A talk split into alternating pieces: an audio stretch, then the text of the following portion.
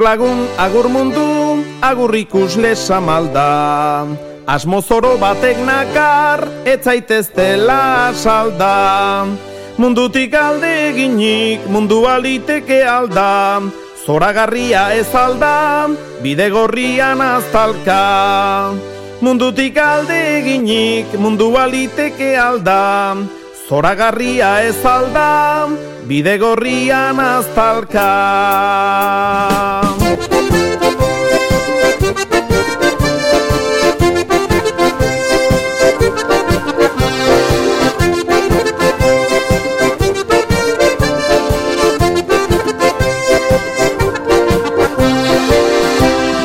Aize kontra noaz zuzen, okerra izeak buruan Aspertuko aiz lehenago, laguntenek inguruan. Nire asmoak ez omen, ez buru eta ez hanka.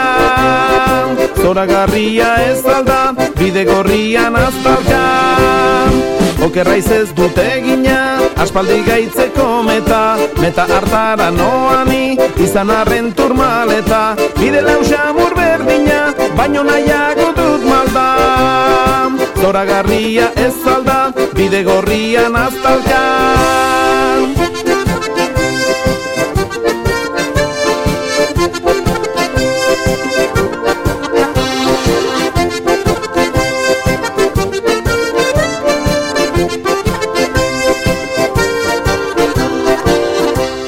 Eta bide gorrian goazela, eskaileretan bera topatu dugu Josu Bergara eta gonbidapena egin diogu estudiora sartzeko, estudiora etortzeko eta bide gorretik gurekin batera bidea egiteko. Gorrian aztalka, zora garria ez alda Trazatutako bidean, gogait egiten dut guztiz Nora ezean naiz joaten, arauak aldera utziz Orduan zerik... Eguerdion, Josu. Apa, eguerdion.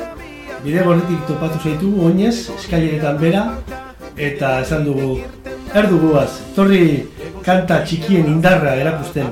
Izan be, indartuak dira kanta txikiok, ez da?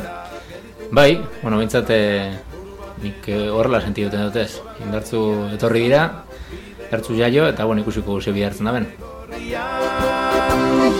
Aize barruan aztalka, euri azpian aztalka, elur gainean aztalka, eguzkiraino aztalka. Aurreko saioetan ere aurkeztu dizuegu, kanta txikien indarra disko hau eta herri txiki zahar honetan eh, kantua bereziki, single egiten duen kantua eta bideoklipa ere baduen kantua, baina gaurkoan eh, Josu Bergara bera, adeslaria, kantaria, daukagu gurekin estudioan eta aprobetxatuko dugu bera hemen dela ba, kanta txikion indarra ezagutzeko eta kanta txikiek zer adirazten duten e, ezagutzeko. Eguerdion, Josu, mila esker etorteagatik, eta disko bat esku artean zarela, zer sentitzen duzune honetan? Bueno, ba, postasune. Azkenin, postasune eta, bueno, neurri handi baten, ba, bide baten e, amaiera eta beste berri baten hasiera, ez? Azkenien, e, moten dago, ba, hilabete batzu pasa diela, e, hasi ginanitik proiektua nola grabatu eta pentsatzen, hamar hilabete eman ditugu, grabaketa prest, osea, zuzeneko grabaketaren prestaketa lanetan, ensaioetan eta bar, eta behin grabatu genuela, zuzenean, ba gero edizioan beste, beste pare bat hilabete, eskuetan izan arte, eta ja fabriketara biel, eta dekosunien eskuin, bueno, ja nire umetxua hemen da, oen ja ikusiko guze ze bide hartzen dagoen, eta zelan bultzatzen dugu. Ez dugu esan, baina kanta txikien indarra zuzeneko kontzertu baten e, grabazioa ere bada, kafe antzukian grabatu zenuena udaberri partean.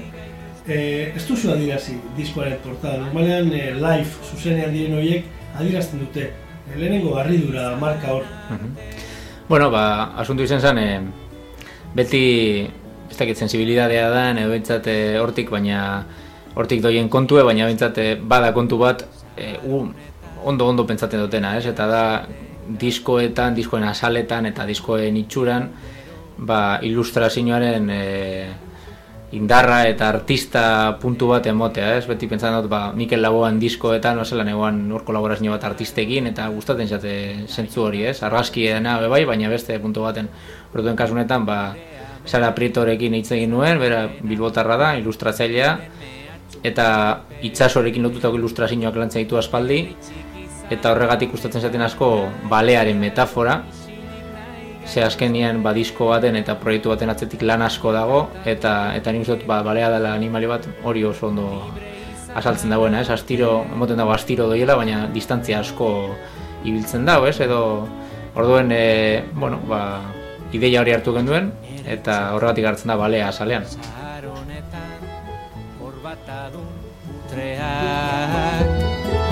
Ere eta ere ari dira betetzen haien patrikak. Herri txiki zahar honetan kulturantzako laguntza Makro jaialdi tantzeko eta gastatzen dituzte gehienak. Balea aipatu duzu, balea animali haundi haundia da, bereetan eh, haundienetako esango dugu, eta balearen barruan, ba, sormena, kultura, zure ekarria, eta zer dakar, ze indar dakar baleak bere, bere baitan. Bueno, ba, alde batetik, e, poesia, Itzat, e, batzuk nire hitzak dira, beste batzuk e, gonbiatu bereziak egindakoak, ba, egiez Asier Rekondo edo, edo Bego Andres Urresti, eta eta beste alde batetik ba, musika nola ez, ez? Orduan azkenean asuntu izan da ba bizen artean egin e, bueno, ba holako e, sormen kolektibo bat tanon artean eta gero e, bueno, ba, nire ikutu emondan hori eta gero beste alde batetik bai badaukena da mesua eh bentsat saiatzen azelako ba txorien eta loreen inguruan hitz egiten baino, ba, ba, gauza konkretuen inguruan hitz egiten, ez? Batzutan zeharka, zeharkako mesua dira, beste batzutan mesu zuzenagoak, azkenean beti saiatzen az, bueno, ba, kanta bat entzuten duenak, zeo zer e, sentitu daiela, ez? Hau zen bagarren diskoa duzu, Josu? Lau garrena, bueno, nik lau esate dutez, beste batzuk hiru, azkenean e, lehenengo maketa moduko bat aterra nagoen e, 2006an, katiuska gorri, oza, karramarron iria barkatu, bigarrena behatzi, behatzi e, 2000 beratzean parkatu e, norasoaz, irugarrena 2000 an katiuska gorriak, eta logarrena orain. Odo nik uste moduen, irurtetan baina da diskua, urrengoa zeuronik 2000 irako edo. E, horrek esan nahi du, behintzat, e, hainbat disko, hainbat lan e, plazaratu dituzula, horiek mm zuzenean ere defendatu izan dituzu, gero itzengo dugu zuzenekoetaz eta musikaren panoramaz, bai. baina zelan ona gitarra lagunduta etorri zaren, ba, behar bada aurkeztuko diguzu kanturen bat eta zure kutsunen bat, eta eta igual jo aurretik ba, aurkeztu eta ezaiguzu zer, zer dakazun esku artean eta, eta zer dela eta. Vale, bueno, ba, kantu hau, kanta hau, e, hitz egiten dau, ekoera berezi eta txiki baten inguruen, da autobus baten gertatzen dana, eta da maitasun historio edo, edo maitasun esaren historio txiki bat, hogeita mar segundukoa, eta autobusean dauko izena.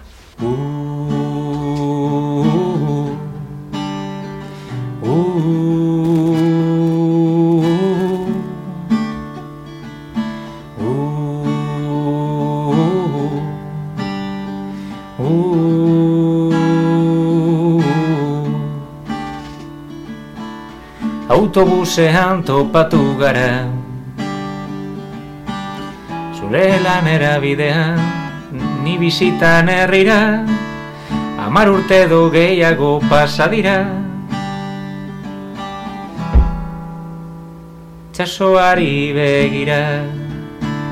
Autobusean topatu gara. Aintzinako kontuak, astutako promesak zure ume txikien argazkiak. Nire azken kontzertuaren kronika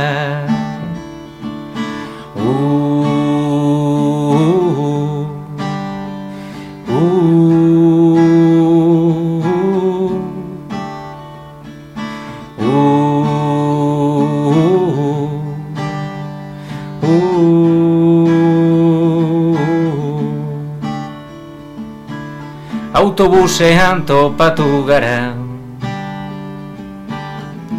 Hain eder, hain guapa zaudela Beti bezela, begietan diz dira. Beti bezela beste baten itzala autobusean topatu gara. Urrengo geltokiaren zain aurrera doa bizitza Ta uste kabean iritzi zaigu. Agur esateko ordua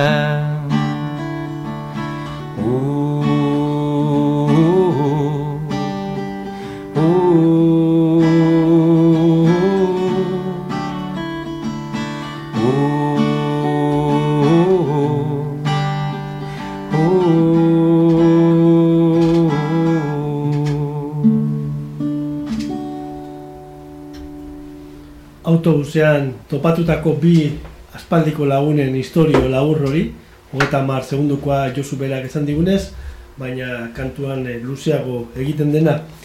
Autobusa, Bilbo, Ea, batetik bestera munduan zehar, itxasua behazko aipatzen da, aipatu duzu e, zerbait esan eta kontatu nahi duzula beti, baina badago zer kontatu eta zer esan oraindik.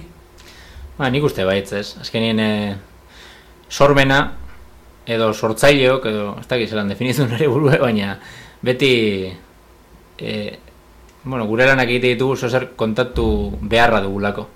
Eta azken e, behar horrek bultzatzen dut ba, gauzak esatera. Izan lehike eskultura, izan lehike margolan bat, izan lehike poesia, eta nire kasuan musika da, holan bizi izan dutelako txikitatik, eta eta, bueno, ba, zer kontatu horrek, edo niri heltzen diot ba beintzat gertuen ditudan kontuei eta gero nire bizitzako kontu pertsonali eta gero be bai ba batzutan sentitzen bada oso zer berezi aportatu aldotela gizartera da jantarteari ba be bai saiatzen kantuetan jartzen ez Eta guzti hori musikaz eta musikariz lagunduta. Gaur hona bakarrik etorri zaren arren, e, badakigu jakin musika banda handi bat e, daukazula inguruan, irukote moduan ere mugitzeko asmoa daukazuela, mhm. baina beti musikari zinguratuta ikusi ditugu aspaldi honetan, nahiko musikari onak gainera. Bai, egi esateko, ba, sorioneko ani, eh? zentzu horretan, ze azkein, e, e, bueno, aspaldi nintzen, e, bai, nere alberdirekin lanean, eta eta bere laguntzagaz, bueno, ba, bi formatu lotu ditugu alde batetik, e, irukote formatua, akustikoetarako eta eta burtsu bete areto txikietarako. Eta horre bai Mikel Núñez Durangarra eta nere Alberti eta iruroko iez eta esateko neko bintzat eh, ikuskizun txukuna eta ondo prestatukoa ondo prestatutakoa izaten da. Eta gero bestalde batetik ja esan nuke banda handia eh, niretzat handia dena bintzat sortzi pertsona goiesenak eta bueno bigarren ikuskizun hori eh, apurtxu bat berriagoa dena esango nuke eta hor ba, bateria sartu diogu bajua eta soka edo hori ari laukotea. Ze, bueno, asko esaten zidaten e, ondo egoela irukote formatua, baina, baina bandak bateriak eskatzen, zeu, e, kanta askok bateria eskatzen zutela. Eta, eta bueno, irabazti, irabazitzen dago beste, beste, beste aire bat hartzen dituzte kantak, beste estilo bat, beste nortasun bat eta beste indarra Eta diskoan daukan soinu horren bila joango zara zuzenekoetan ere edo zer bilatzen duzu formatu horretan? E, ba, neurri baten diskoaren espiritua islatzea zuzenekoetan eta gero be bai e, beste neurri baten be bai edo beste ikuspuntu batetik ba, diskoan agertzen dien abestiak ba, e, eraldatzea, ez? Ez da mutazio badan, baina beti beti gauza berdinak itzen balditugu azkenean aspertu itzen gara. Orduen, e, bueno, ez, ez dut pasako abesti bat, ez dakit, pop ikutu batetik ez diot emango rumba ikutua, baina bintzat berdin berdin ez da izango zuzenekoan, bintzat horrela ikasten dugu bai, eta beste modu dena agertzaitu gauzak, eta bueno, hori bai polita da, eta ez berdina.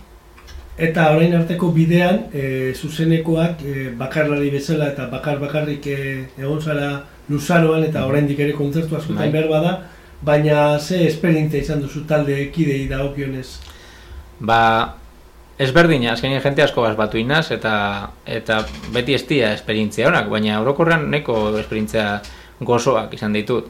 Egia da, e, azkenin nire moduko proiektu baten, nun pertsona bat da kontzertuak sinatzen dituena, holan esateko, ba azkenian zu izan bizara proiektua bultzatzen duena eta zu bizara musikariak lotzen dituzunak, kontzertuak ere, edo manager, edo ez dakit, edo lagun, edo baten baten le, figura horregaz, baina e, zuri espautzu ardura bestik ez da behingo. Orduan nire esperientzia izan da, bueno, ba, horrela ikasi dudala mugitzen proiektua, eta gero e, lortu dutela, ba, jende eto musikari honez e, inguratzea, eta horrek lagundu ostela, ba, proiektuari beste, beste bultza bat emot. Egia esan, e, Josu Bergara ezagutzen dugunetik behintzat, beti izan da e, mugitu den e, persona bat, mugitu musikan arloan, baina bestela ere, ba, kontzertua lortzen, e, musikaia lortzen, e, e, keskatzen, e, oda, autoekuizpenaren e, e, zentzu guztietan e, landu duzuna, e, esperientzia horrek zer, aberaztu zaitu ala nekatu egin zaitu gehiago? Ez, aberastu nik e, mentzat Aberastu baina ez ekonomiko. Aberastu baina ez ekonomiko. ez, azkenien eh, nik uste dutena da ikasi txeuzule, bidean. Eta igual beste batek itzen batzu gauzak, ba, igual erosoagoa izan lehike, baina gauza asko galtzen dituzu erdian. Eta ez bakarrik, ez bakarrik gauzak ba, kontzertuak antolatzeko, sino zure bizitzarako. E, ikaste duzu pertsona kudeatzen, ikaste duzu e, hartu emanak lotzen kontaktu asko irabazten dituzu eta gero bai zuk erabakitzen duzu. Zuk erabakitzen duzu gauzak nun, nola eta noiz egin. Leku honetan jo ingot edo ez tote ingo kontzertuek. Batzutan erratu itxesara eta beste batzutan asmatu itxe duzu. Baina asmat, eta asmatu edo, edo erru hori beti zureak dira. Eta hori nire ustez interesantea da. Eta Nola baiteko kultur buru jabetza bat badakar horrek, ezta? Bai, bai, nik guztote batzuk e, alabe arrez egiten dute autua eta beste batzuk e, ba, denboraren bidetik egin dugu, ez? Mentzat nik e, ja urte indotez e, taula gainean eta, eta bueno, mentzat bada bide bat, ez? Eta eukiotez beste, beste eredu batzuk kudeatzeko eta beste le, jente batega egin jotez gauzak eta azkenean e, e, eldurintzen e, konklusio batera zala nire buruan nire nuela nik negu defendatu, nik neuke nire proiektuak aurrera atara eta batzutan bueno, ba, agenda nahiko beteta daukat. Eta eta igual denbora libre gitxi baina beste alde batetik ba, bueno, nik nahi duten egiten dut eta eta gustora.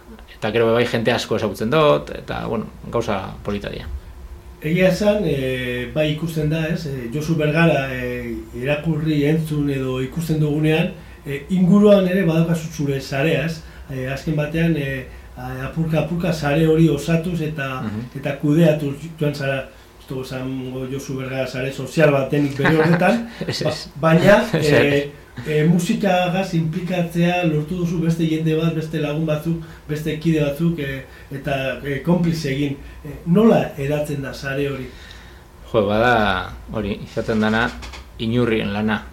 Urteetan egiten den gauza bat, eta neuk esango modu konstiente baten indotena. Hino, apurka, apurka, igual ni bai ni izateko modu, moduen azelako, ba, pertsona sozial bat, eta jente lagun asko, eta ezagun asko ditu dana, baina bai, e, azkenean ni proiektua aurkesten joan naz, eta gero bai, jendeari eskaintzen nire proiektuan parte hartzea. Ba, indala 6 urte genuen CD Crossing izineko esperientzia bat, eta orduan jente asko junzan e, norazoaz diskoarekin munduan zehar bidaiatzen eta diskoak itxi zituen leku ezberdinetan, eta orduan ginen ia, ia berro eta marrerri ezberdinetara, gero egin genuen amaika kanta amaika argazki proiektua, eta amaika argazkelari parte hartu zuten, eta euren argazkiak e, euren argazki batekin e, nire kanta bat e, ba, islatu edo irudikatu, Eta beti holako gauzak, ilustrazioekin zeo zer ingogu, Sararekin adibidez orain e, Bilbon ingogu erakusketa bat diskoaren e, irudiekin e, Kabi Tabernan, Someran, orduan, bueno, azkenien e, nik uste dut aberazgarria dela sare hori, sare hori lortzea eta azkenien sormena ez dela pertsona baten kontua, sino kolektiboa. Bai, eta behar bada, azken asteotan gure artean dara bilgune ez da ekarrita edo, mhm e, musika bera eta zure proiektua bera euskarri ezberdinetan eta modu ezberdinetan emateko gogo hori, ez? E, sinemarekin edo ikusentzunezkoekin eta transmedia kontzeptua da moduan, uh -huh. e, ba ikusi dugu alegin bat e, egiten duzun hori modu ezberdinetara eskaintzeko e, gaur egun ba, oso ohikoa da edo zeinek e, bideoklip bat edo kantu bat e, zarean jartzea YouTube bidez, baina bestelako ze formatan, e, ze, ze karri dizu demagun e, CD crossinyak edo edo erakusketak egiteak edo beste beste euskarri beste leku batutan joateak. Ba, nik uste dut azkenien e, indala urte asko ulertzen zala musika, bakarrik kontzertu egin lotutako kontu bat modukoa edo edo kasetekin edo diskoekin eta soporte batekin, ez. Eta azkenien e, nik aurre egun ikusten dut e, internetek lagundu digule asko ba, musika beste modu baten ikusten eta eta ba, sormena ba, beste modu baten irudikatzen, ez? Orduen ba, nire uste apalean behintzat ba, bada modu bat e, jendearen gana heltzeko eta horretarako kanal ezberdinak ero dituzu.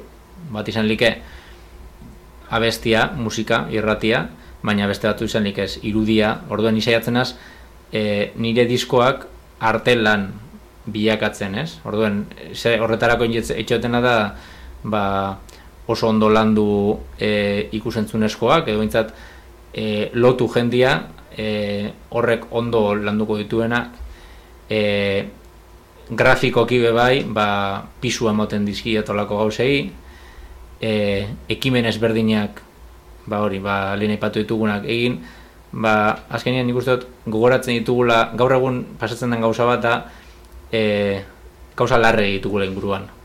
Eta ezin danei kasurik egin. Orduen e, zentzu dira gogoratzen ditugunak? Zeo zer berezia dutenak.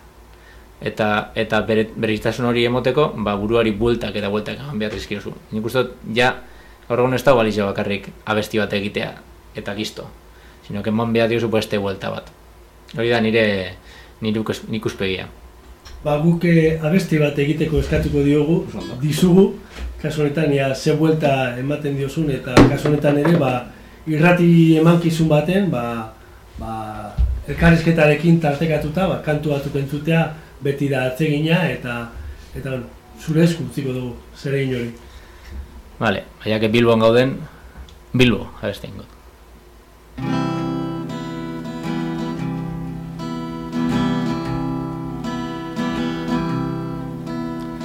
Neska gazte bat Uri barriko aldapan gora.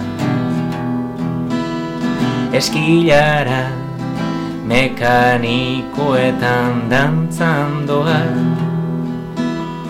Euri sumean Espaloia bustitzen. Euri saronen Zaina garbitzen somera iturri barren kale barrena.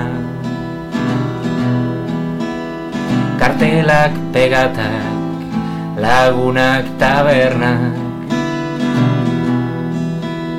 Ziure kale estu eta numeak ginen.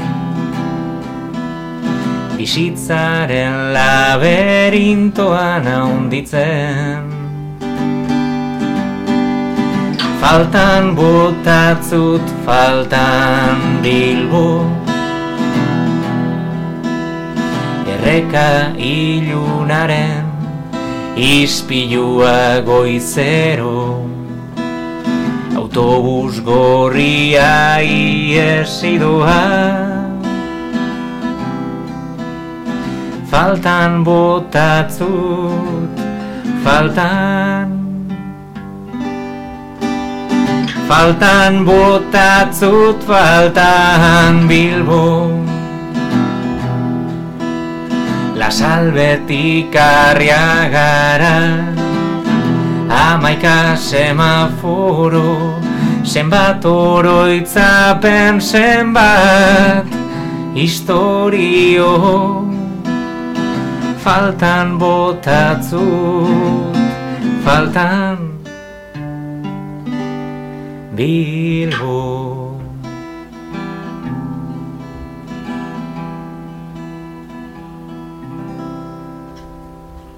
Bilbo behin eta berriro agertzen zaigu zure kantutegian, zure eguneroko hiriburua edo hiria edo dalako, eta Bilbo kantu horretan, e, e, grua handi baten, e, portuko edo deustuko kanaleko grua horietako bat, e, gorria dana, eta gero kantu bakoitzak badauka bere marrazkia eta bere irudia, batzutan e, hasien aipatu duzun bale hori, baina ilustrazioak irudi hotz eta soil baino gehiago ere badira eta kantuarekin lotuta edo e, Sara artistak indioen interpretazio librearekin, baina zer bilatu duzue e, artistak eta biok e, guzti horiek e, ona ekarri eta gero zan duzunez erakusketara eramatean.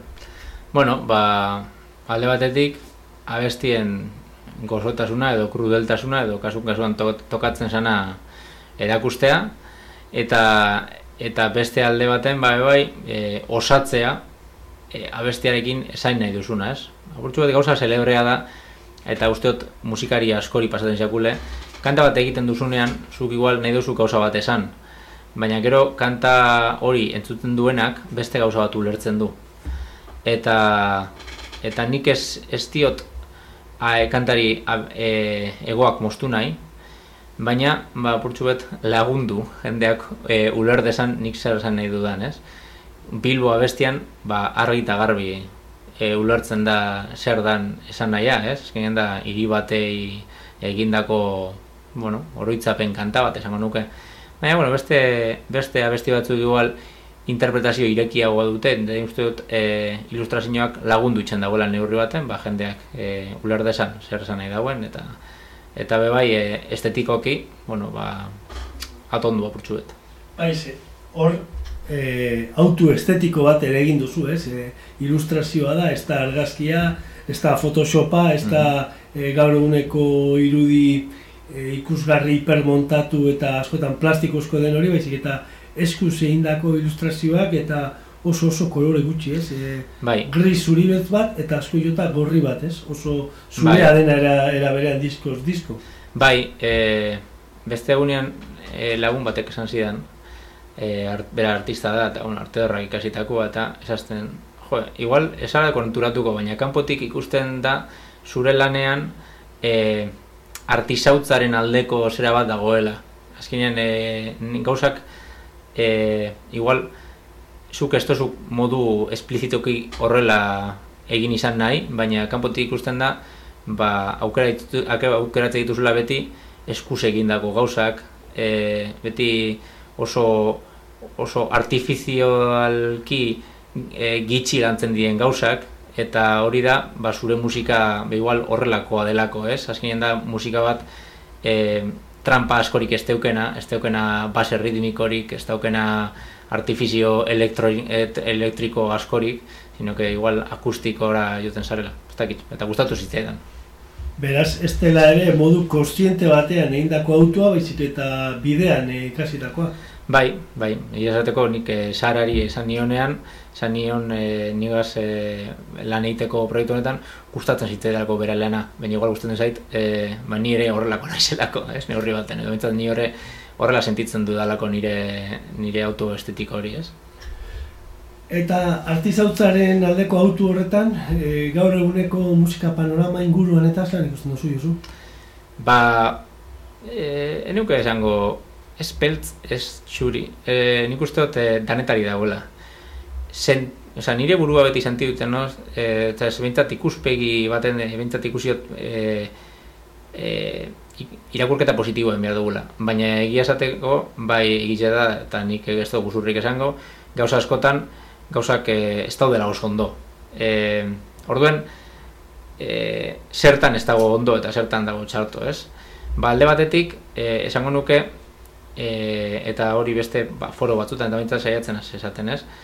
E, Euskal Herriko e, sormen, e, dakit, frontea, holan aipatuta, ba, gero eta buru gehiago dituena, hori ona da, gero eta gauza gehiago ikusten dira, e, Euskara e, dakarrenak eta bai internet horretan lagundu digu, e, lagundu digu gure gauzak ataratzen eta jendearen gana ailegaten, baina gero beste alde batetik, gerotak gauza edo, edo proposamen gehiago heltzen dira beste leku batzuetatik.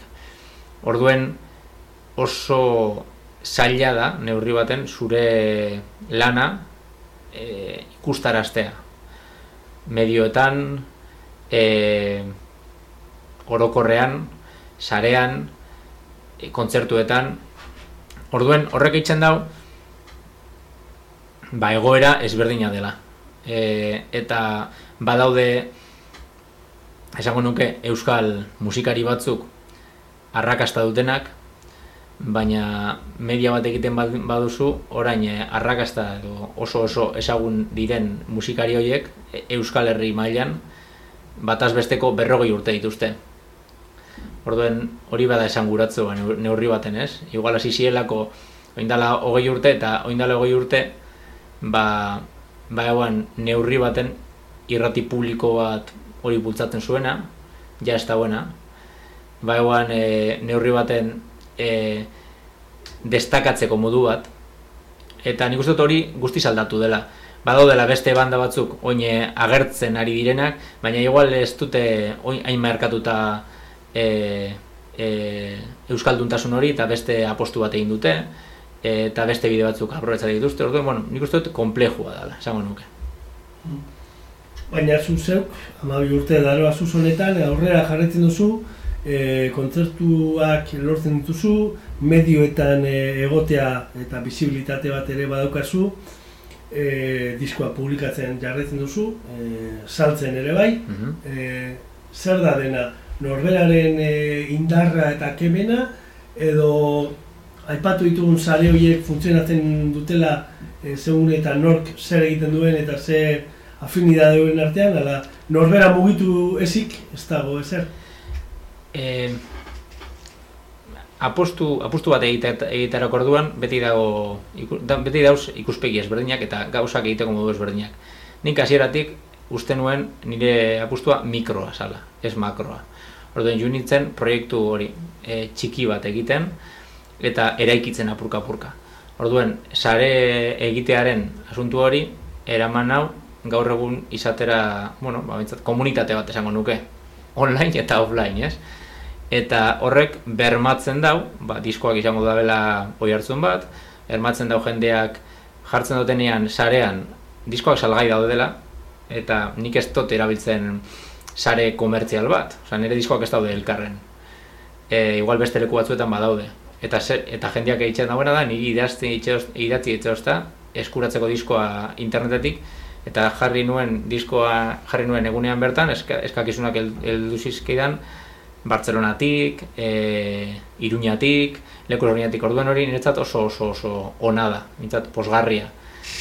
Eta salmenta zuzen hori ere artizaua da, da, zuk hartu bai. diskoak, gaur goizean bertan e, diskoak e, e, postara bialtzera joan zarela aipatu duzu. Bai. Horre artizautza bat badago. Bai, azkenean da, jo, jendeak gaur egun diskoa erosten dauen pertsona batek, ez da erosten entzuteko, zientzuteko sarean entzuten da. Erosten dau, ba, zuri nahi, nahi zulako zeo zerreman, eta bueltan eman dio, behar diozu zeo zer, ez eman behar diozu, ba, bintzat, e, dedikatoria berezi bat, eman behar diozu e, detaile txiki bat, eta eta bisa, dibes, ni pentsadot, e, igual, ba, ametik aurrera, bi helikoptezela, e, bai, jende asko kezazte oso oso polita diele kartelak, eta igual pentsaut igual bialketa horietan ba kartel bat sartzea, ez dakit. Zio zer detaile bat, azkenean e, oroitzapen eretzen dira, ez? Az detaileak eta gauza bereziak eta ba hori.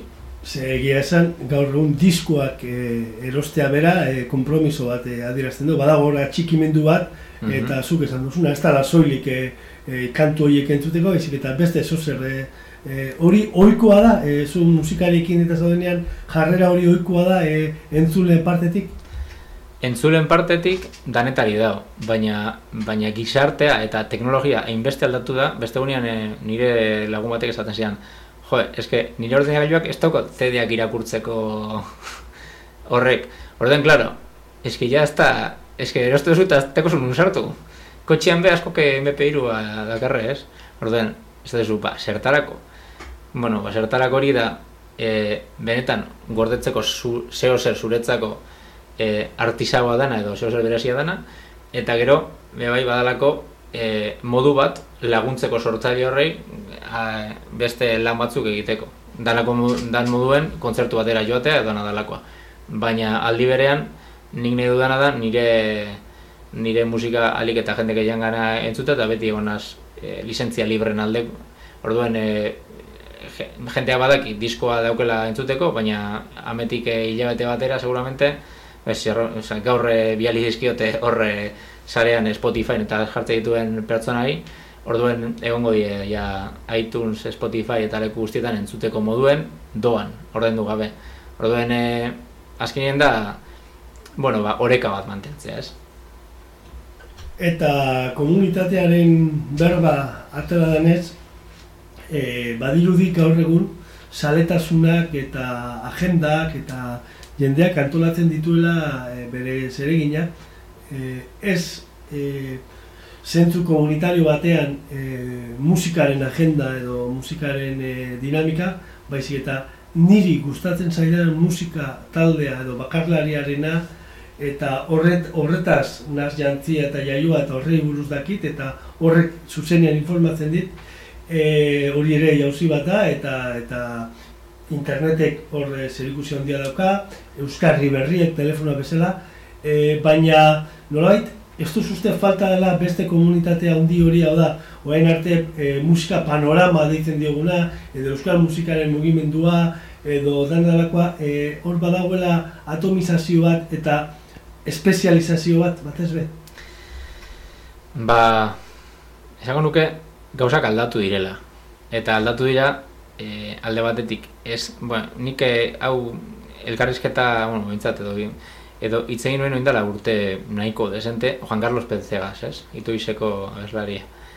Eta berak esaten zian, eurek mila beratzen da laro eta emeretzian atera zutela lehenen diskoa, usteot, edo hortik hil zan. Laro eta bederatzean.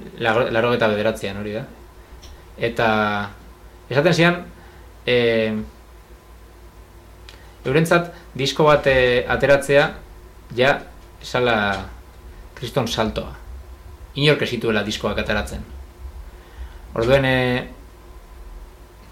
gaur egun, edonork ateratzen ditu diskoak. Orduen, edonun atera entzun leikezu ze jendean e, aportazioak, eta ezberdintzeko modua beste, beste bada. Orduen, atomizazio hori, ba, berez datorkigun zeo zer bada, Eta kontu da baselan egiten diogun aurre, edo ze edo zelan e, sortzen dugun komunitatea gauza zehatz batzuetarako. Mugimenduaren ikuspegitik eta incluso militantzia ikuspegitik politikoki izango nuke, hori bai igarritzen dela. Inbeste konvokatoria, inbeste gauza, eta gitxi dira mugimenduak lortzen dutenak jente askoren parte hartzea. Bai voluntarioki eta bai, e, izango nuke, gogotsu. Orduen, zentzu dira lortzen dutenak, indar hori ba, benetan oso ondo komunikatzen direnak, oso ondo muitzen direnak eta eta gaur egun bombardeo konstante honetan ba dizdira berezia lortzen dutenak. Ba, nire galdera gehiago zan, e, e, duela hogei hogeita urte, kontzertuetara joateko e, agenda begiratzen genuen, mhm. eta e, eskaintzaren arabera autua egiteko aukera okiten genuen. Mhm gaur egun e, jendeak ez du agenda begiratzen, hau da, taldearen e, agenda dauka.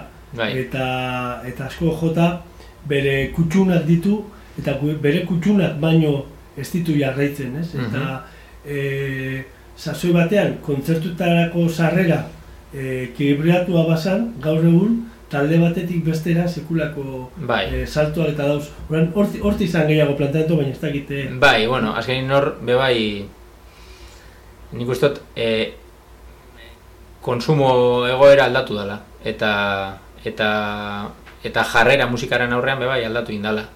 Orduen e, nik uste herri batetik bestera ezberdintasun asko daudela. E, niri pasatu zait bestakit, ba, Valentzian kontzertu bat ematea, hango kantatore bategaz, sarrera 6 eurokoa, eta bosteun pertsona izatea.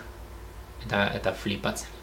Eta gero bai, adibidez, e, kontzertu hau eskaintzeko kafe antzokian, e, a, aretoa, bueno, ba, desente jente egoteko eta ia betetzeko, publizitatean genduen, e, komunitate osoa ez, baina neurri handi baten mugidu, eta eta hori, bueno, ba, bebai da nire ikuspegi mikrotik ez, baina, baina bueno, zer, zergatik dan hori, ba, gauz kontzertu asko daudelako, e, neuk esango ultraprogramazioa dauela, baina bai behia da eskaintza gehiago daudela, eta ez bakarrik kontzertuena, sino kirolarena, e, antzerkiarena, e, erakusketena, orduan, bueno, ba, eta, eta jendea partina da, edo gitxia, osango nuke, orduan, bueno, ba, ba aukerak egin dira. Baina nuke esango gitxia konsumitzen dela, porque keia konsumitzen da, baina beste modu baten. Igual etxetik konsumitzen da, edo edo hori internetetik, edo beste modu baten. Gogoetaz, gogoeta gabiz, e, ezoiko formato eta ordutegian, eta elkarsketa luzean, normalean e, elkarsketa geurak ere askoz beharinagoak, askarragoak eta eta momentukoagoak e, izaten dira. Eta gaurkoan, ba, pentsamentua eta musika, e, gogo eta eta kantua e, batera dakarguz, bide gorritik saio honetan, eta Josu nahi baduzu beste kantu bat. Venga, non dago bali? Oktubre rojo, Indiana Jones, Nun dago gualinu Doraemon Aste santuko porretan Euria kanpoan. Eta gu gambaran Zutondoan jesarrita Infinitora begira Zein errezazan Soriontzuak Izatia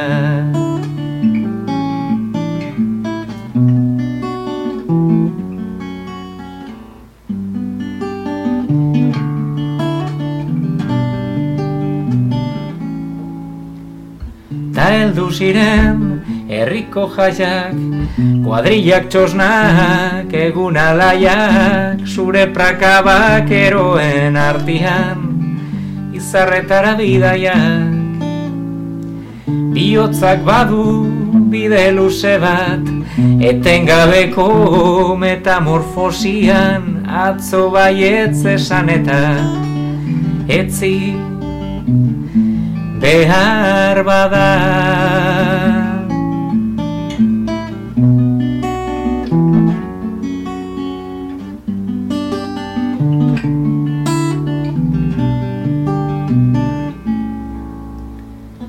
Gaur egun gabiltz, atzera eta atzera, karra marroen antzera, gaizki esan dakoak, parkatu maitia, ikean erositako armairu honen barruan. Argazki zarrak kolorezko fularrak gitarra jotzen ikasteko liburuan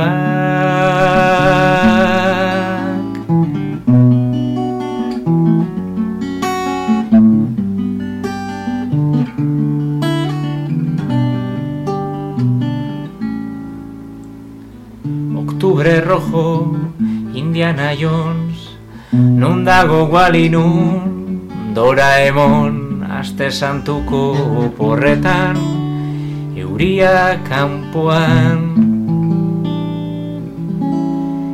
Eta gugan baran.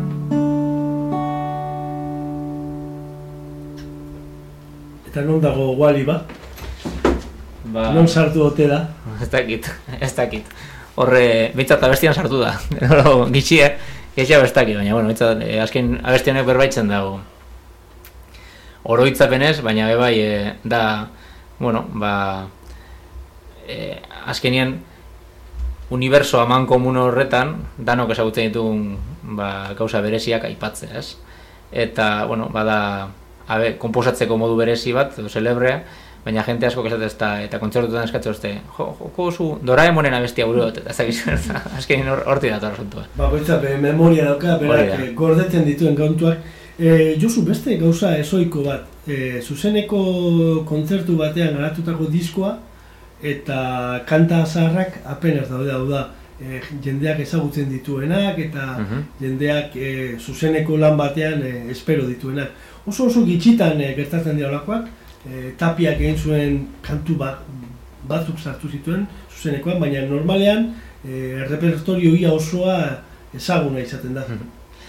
Bai, ba, horrela egin dugu, e, bueno, ba, gure erronka hori zelako, ez? Erronka teknikoa eta erronka bai pertsonala, eta, eta gero e, ba, pentsatu genuelako, ni banituen ja abesti berriak grabatzeko, eta perfectamente, bueno, aukera izan like sartzea estudioan eta graba, eurak grabatzea?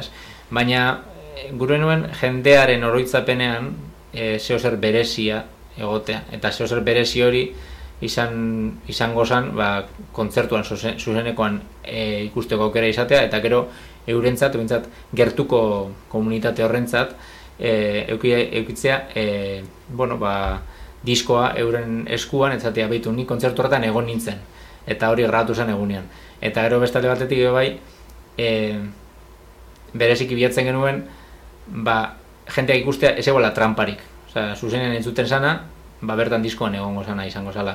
Gero bai, bueno, azkenien e, gauza batzuk konpondulik ez estudioan, baina ez, ez dugu jarri, ez dugu gauza berezirik. Eta e, ezagunak edo lehenagokoak ziren kantak e, diskoaren bukaeran doaz, kontzertuaren bukaeran joan ziren, Mhm. e, giro berezi bat sortze aldera edo autu e, kronologiko bat da eta zaharrak e, amaieran.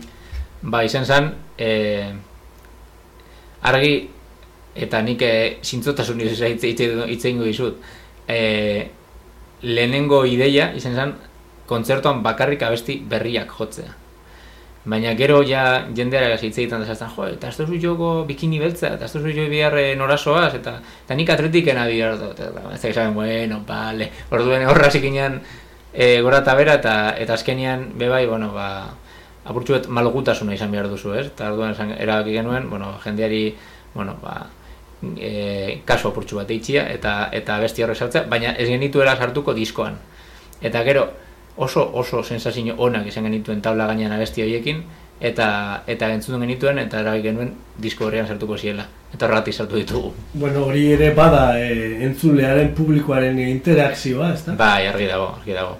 Zein eurek eskatutako eta guk kasu egin dio. Vale. Diskoa jarraituko dugu, e, diskoa kanta txikien indarra izenekoa e, taupakarekin e, kaleratu duzu hau ere bai, eta zulera ipatu zara lizentzia librekin. Zen olako esperientzia da, esperientzia kolektibo hau taupakarena eta modu librean argitaratzearena? Ba, berezia, ezberdina, e, eta niretzat ona. E, taupakan egotea, e, aukerak ematen dizkit jente ezberdina ezagutzeko, sortzaile berriak ezagutzeko, zer gaude e, argazkilariak, e, raperoak, e, antzerkitik etorritako jendia, ipuikontalariak, orduen, elkarte baten zaude, parte hartze aktiboa bermatzen dagoen elkarte baten zaude, eta gero manager batek edo, edo bulego batek eskaintzen dizkizun gauza berdinak eskatzen eskaintzen dizkizu elkarteak beste neurri baten. Zer suposatzen dau? Ba, ba, bueno, ba, irabazten dituzula bidean gauza asko, lagun asko, kontaktu asko, komunitatea, eta gero bai, ba, e, bulegoaren zerbitzuak neurri baten, ez? Eta gero bai, eskaintzen dozta koherente izatea. Nire pentsatzeko moduarekin eta izateko moduarekin, eta azken finean askotan taupakan taupakaren e, asamblada horietan erabakitzen ditugun gauzak eta izan ditugun e, ba, batzar luzeak batzutan eta azkenean fi- filosofiaren ikuspuntutik joaten gara ez? Eta erabakitzen dugune da nahi dugula beste eredu kultural bat ezberdina edo bintzat alternatiboa eskaini nahi duenak aukera izateko. Eta uste dugu neurri baten lagurte eman egin ditugula eta lortu dugula. Bintzat gure gure ekarpen txikia egitea Eta non ikusten dira lorpen horiek gaur egun? Bueno, ba, berrogei sortzaile gara, e, ez, leku askotara heldu gara, e, kontzertuak taupako jendeak eskaini ditu e, Euskal Herritik, Estatu Espainol eta Frantsesetik kanpo leku askotan, Venezuelan, osea, gauza asko egin dira, taupakatik kudeatutako e, jai eredu propioak badaude ja, e, eta gero, e, esango nuke, e, bueno, ba, eredu kultural ohikotik aparte alternatiba eskaintze horretan, ez? E, nik adibidez, nik ez dut nire kontzertuak zuzenean kudeatzen e, askotan, askotan e, taupakako gorkak kudeatzen ditu, nire partez. Zergatik, horrek beste seriotasun bat eskaintzen dio kontratatzaileari, naizta nigaz zuzenean hitz egin leke, baina baldintzak eta eta baldintza teknikoak, ekonomikoak eta barrekoak zehazteko gorkari pasatzen diote e, asuntua, ez? Orduan, azkenien e, errepikatzen ari gara e, eredu bat, baina beste formatu batekin. Eta egiten duguna da euneko, kontzertuaren euneko amarra, usten dugu elkartearen zat. Orduan, gero elkarteak dirua dauko, gauzak antolatzeko. Adibes, durango kasokan, estan propio izango dugu aurten beste leku askotan, ba, ba beste aukera batzuk izango ditugu. Webune propioa dugu, e, gure notiziak kudatzen ditugu, sare sozialak, e, oinari gara pentsatzen iragarki bat egin behar dugula e, bideoan ba, jendearen gana heltzeko. Urren gurtera begira, igual bikeko merkatuan egotea. Bueno, azkenien, bueno, azkenien e, bidea egitea beste modu baten eta txikian. Batzutan e, hitz egiten dugu gure artean eta esan dugu, jo, ba, igual hemen erratu gara eta bena asmatu dugu. Eta bueno, bai, erratzen zarinean zuzendu. Bidea egite horretan, e, zuzeu e, Katalunia eta Valentzia aldera e, maiz e, joan zara eta uh e, Paula Bajo e, ka, e, abeslaria de konbiatu izan duzu Euskal Herria. Horretaz gain, e, asmori bai beste inora edo proposamenik edo zelan dago nazio art, produktuaren nazio arteko zea? Ba, orain mai gainean ditu kontzertu ezberdinak. Alde batetik, e, e, Madrilen, ustote, areto baten gehi Euskal Etxean ingo gula zeo zer, Galizian bebai gure guzio zerrein, eta gero herrialde katalanetan gitxienez Girona, Barcelona eta Valentzia aldean edo. Eta gero, nire, ez, da, ez dut esango ametza, baina ametza eta aukera, e, eukiko banu, aprobetsatuko nuke ondo, izango zen e, estatu batuetara, bintzat Euskal Etxetan eta leku ezbenietan jotzeko aukera aprobetsatzea. Horre hitz egin nuen, e, horre burtietan, San Francisco, Nueva York, e, eta Jutako leku ezberdinetako arduradunekin eta bueno, bai ez esasten, baina ondo planteo planteo behar dugu, orduan, ez uda honetarako durrengorako izango da, baina bueno, holako oso zer. Ikusten duguna da geldirik zaudela eta inguruak ere hortan eh, laguntzen duela eta kanta txikien indarra besteko indarra daukazula zuzeuk ere bai. Bai, eh, eskerrik asko. eta alde horretatik, ba, saioa amaitze aldera, eh, bueno, azken kantu bat eh, eskatuko dizugu, eskainiko duzulakoan, eta horrekin ba, gaurko saio monografiko hau, e, kanta txikien indarrari eskainitako hau, ba, solazaldi modulari egin duguna, ba, amaitzen bengo gara. Hene bihotz. Hene bihotz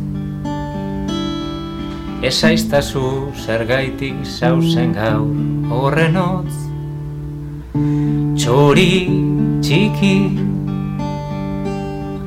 Kanta idazu apurtxu bet gehiago doinu hori.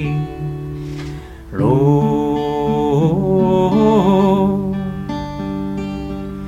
Giure mutila ondize isulo Lo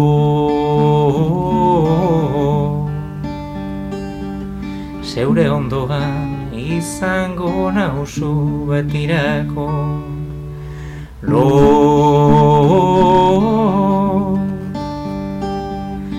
Gure mutila undize eixulo Lo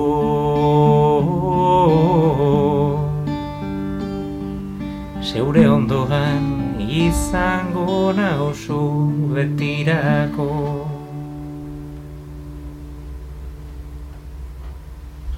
Ba, mila esker, Josu, bene, benetan, e, jasan, e, eskertzekoa da, lantzean behin tarte hartu eta olako elkarrizketak e, eukin alizatea, e, sakontasun baten, badirudi askotan e, azaletik e, aztertzen dugula dana, guztia, fast think eta fast e, bizimodu horretan e, e, murkilduta, eta bueno, tarte hau hartu, e, desbideratu gitarra lagun eta kaskoak eta eta ikusi eta entzun beharrekoak egin da, eta bo, sorterik onena, e, diskoagaz da zuzenekoagaz eta bidean herriz zahar eta txiki honetan eukiko dugu aurkitzeko paradarik.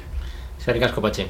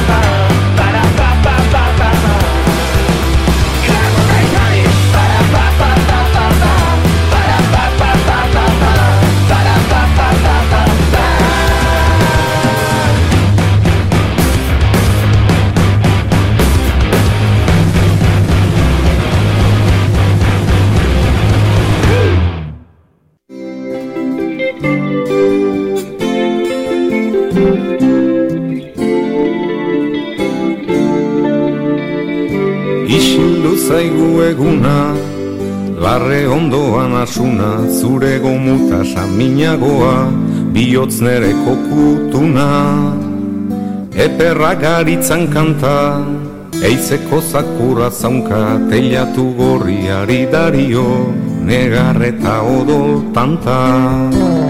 Belar gainean bildotza, Aizeak lehundu hotza, etxai urratzen zarata itxa, gorrotoaren ostotza. Oilarrak arrokalparra, zezena ez da koldarra, Espainaldean preso daukate, nire zen argaizan garra.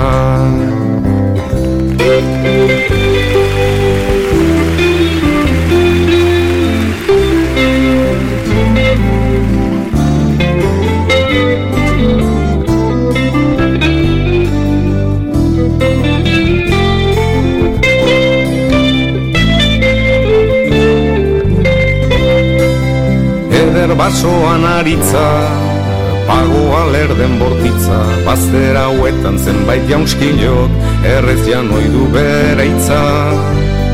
Ibaia datoru holde, aizea uraren golde, euskal handrak izonen odola, ez da isuriko de balde. Sagarrak daude ustelak, mikaztu dira upelak, lehenengo aldean orain garagu, abertzale txite pelak. Udako sasoiak usta, labean eder irusta, nire bularra zuglazan ezik, ximelduriko masusta.